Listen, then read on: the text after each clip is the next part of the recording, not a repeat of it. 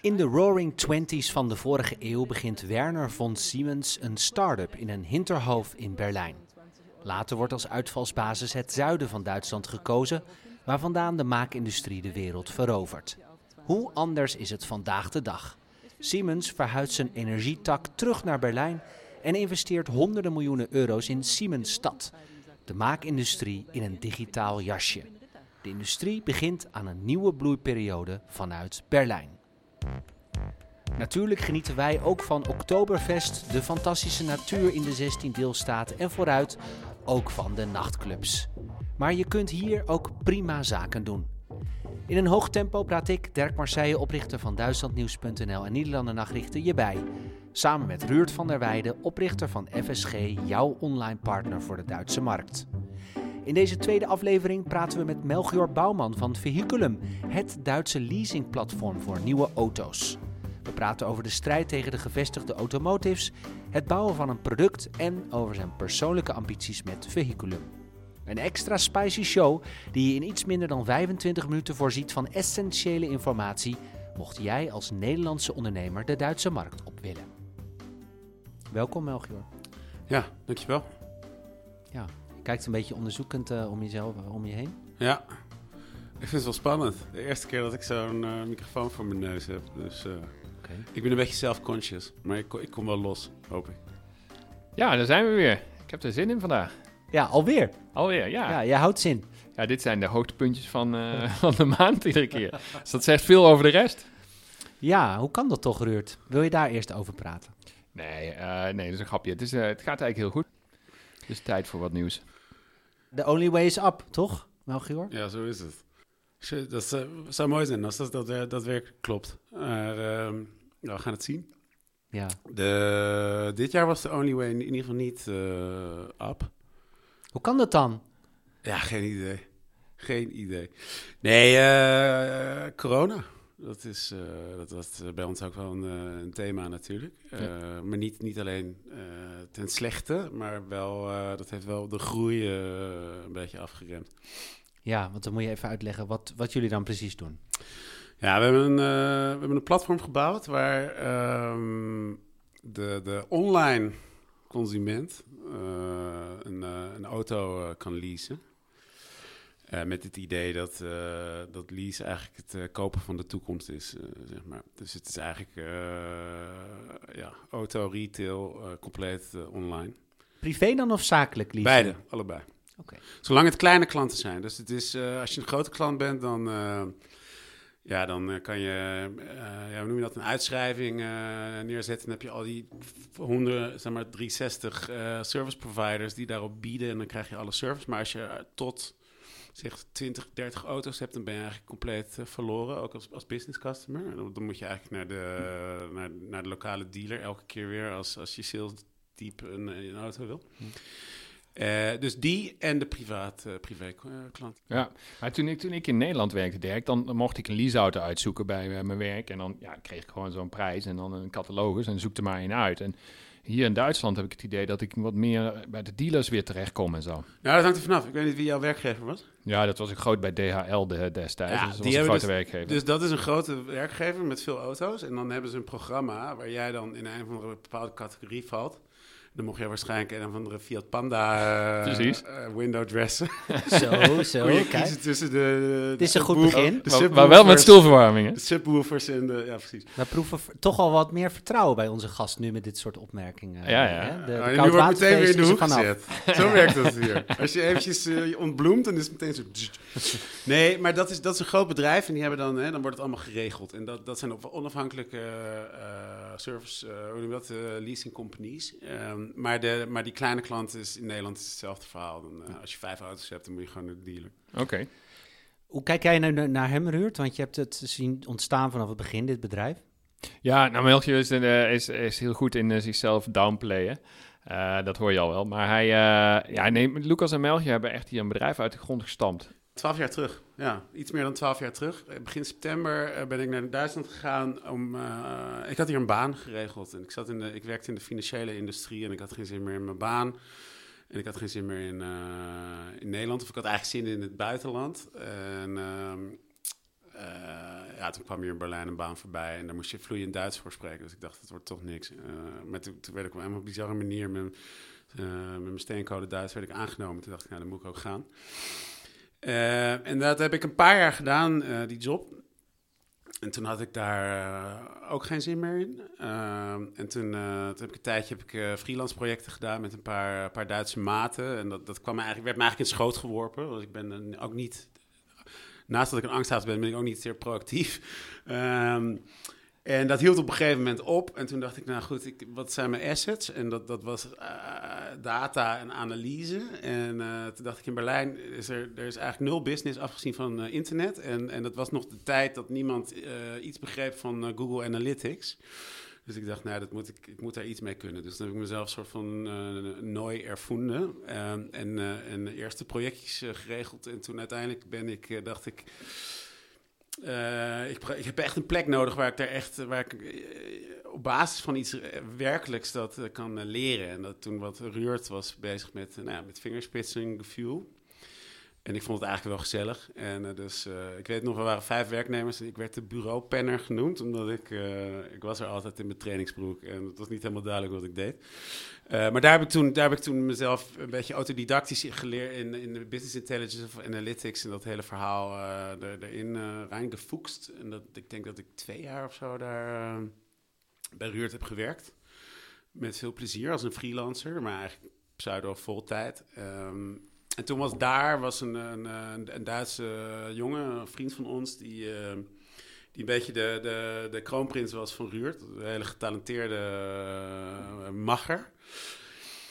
Uh, en die, wou, die wou, had eigenlijk meer ambitie. En er was dit idee voor dat leasing. Dat is een ervaring van Fingerspitzengefühl. Dat die moesten twee leaseauto's organiseren. En dat heeft Lucas toen gedaan. En dat was een enorme pain in the ass.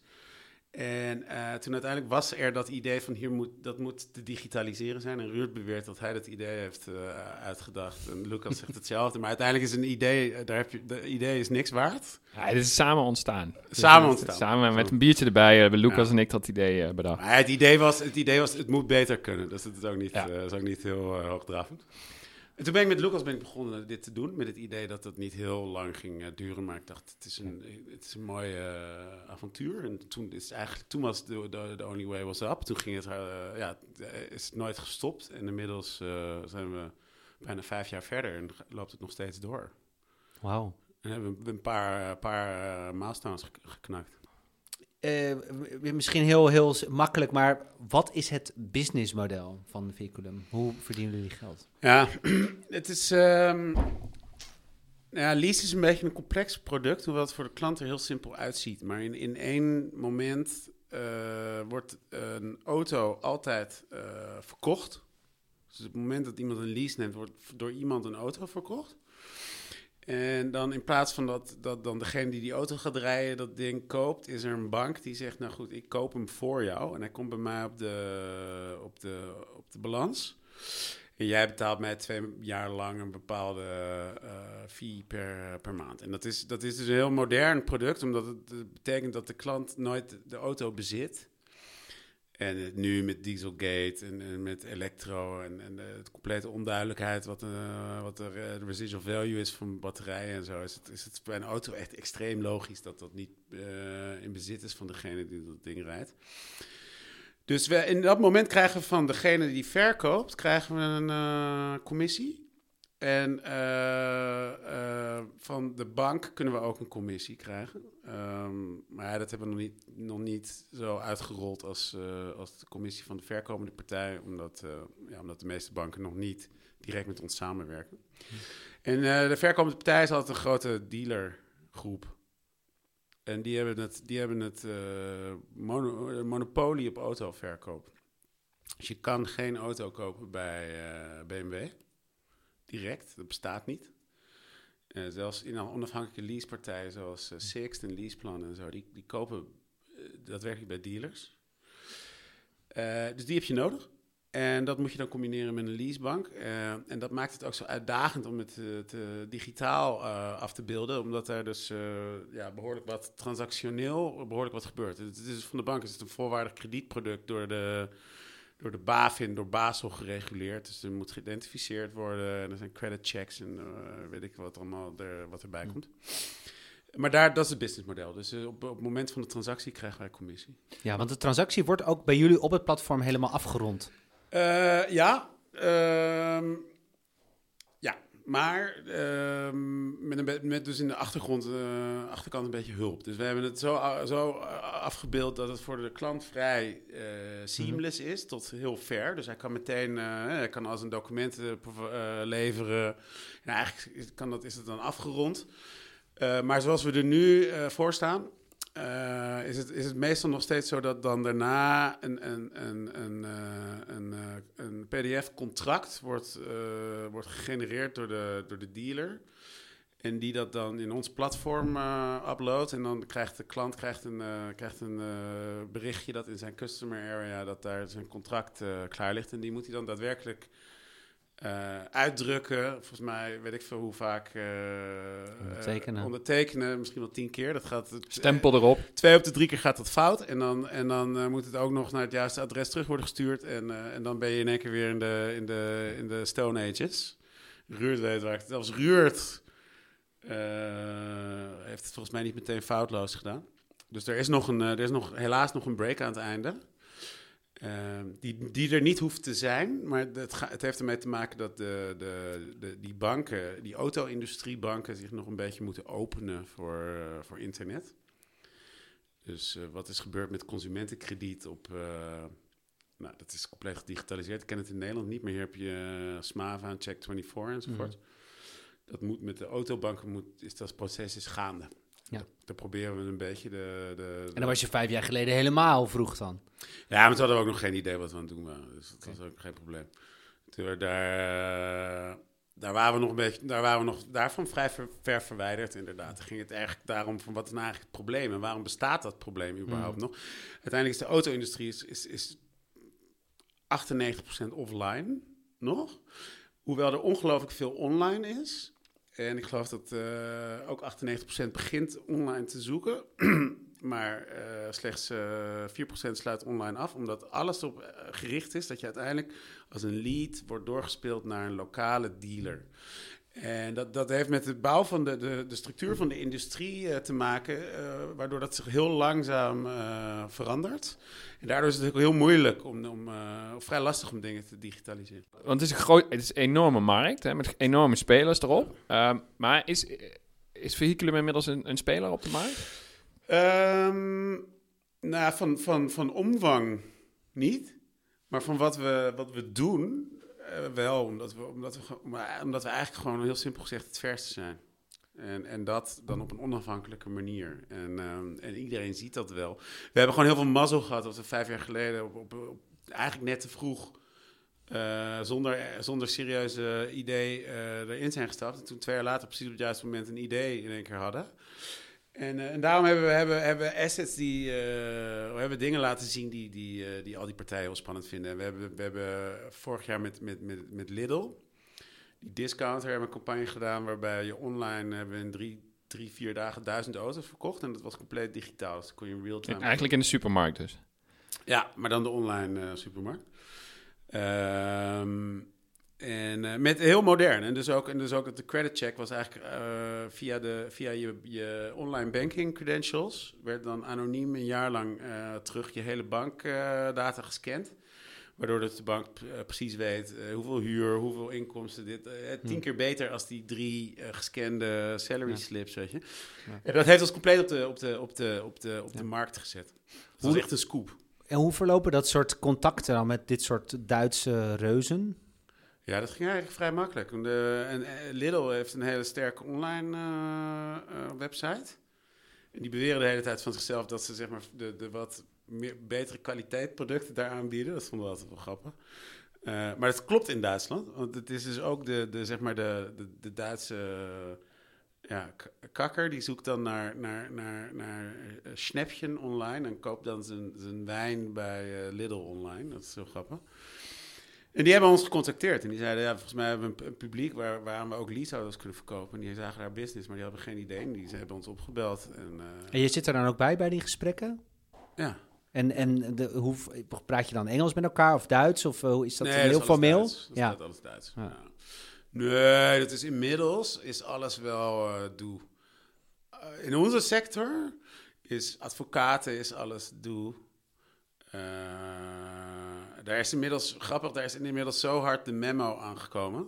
Dat er ook een hele berg lui rondwandelen waarvan je het helemaal niet prettig vindt. Die ook enorm casual eh, lopen te doetsen en allemaal eh Anglo-Saxische woorden gebruiken en zo. Daar is, daar, ik heb het gevoel dat er nu een enorme overreactie in die andere richting gaande is bij...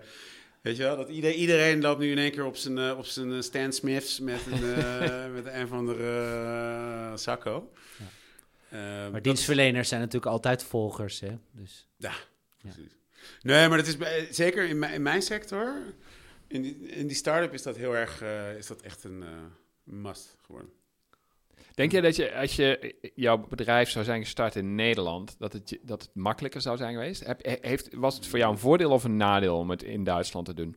Nou, het nadeel was dat ik, dat ik geen netwerk had. Niks. Maar ja, de netwerk is, heeft ook een gelimiteerde waarde. Dat is het begin.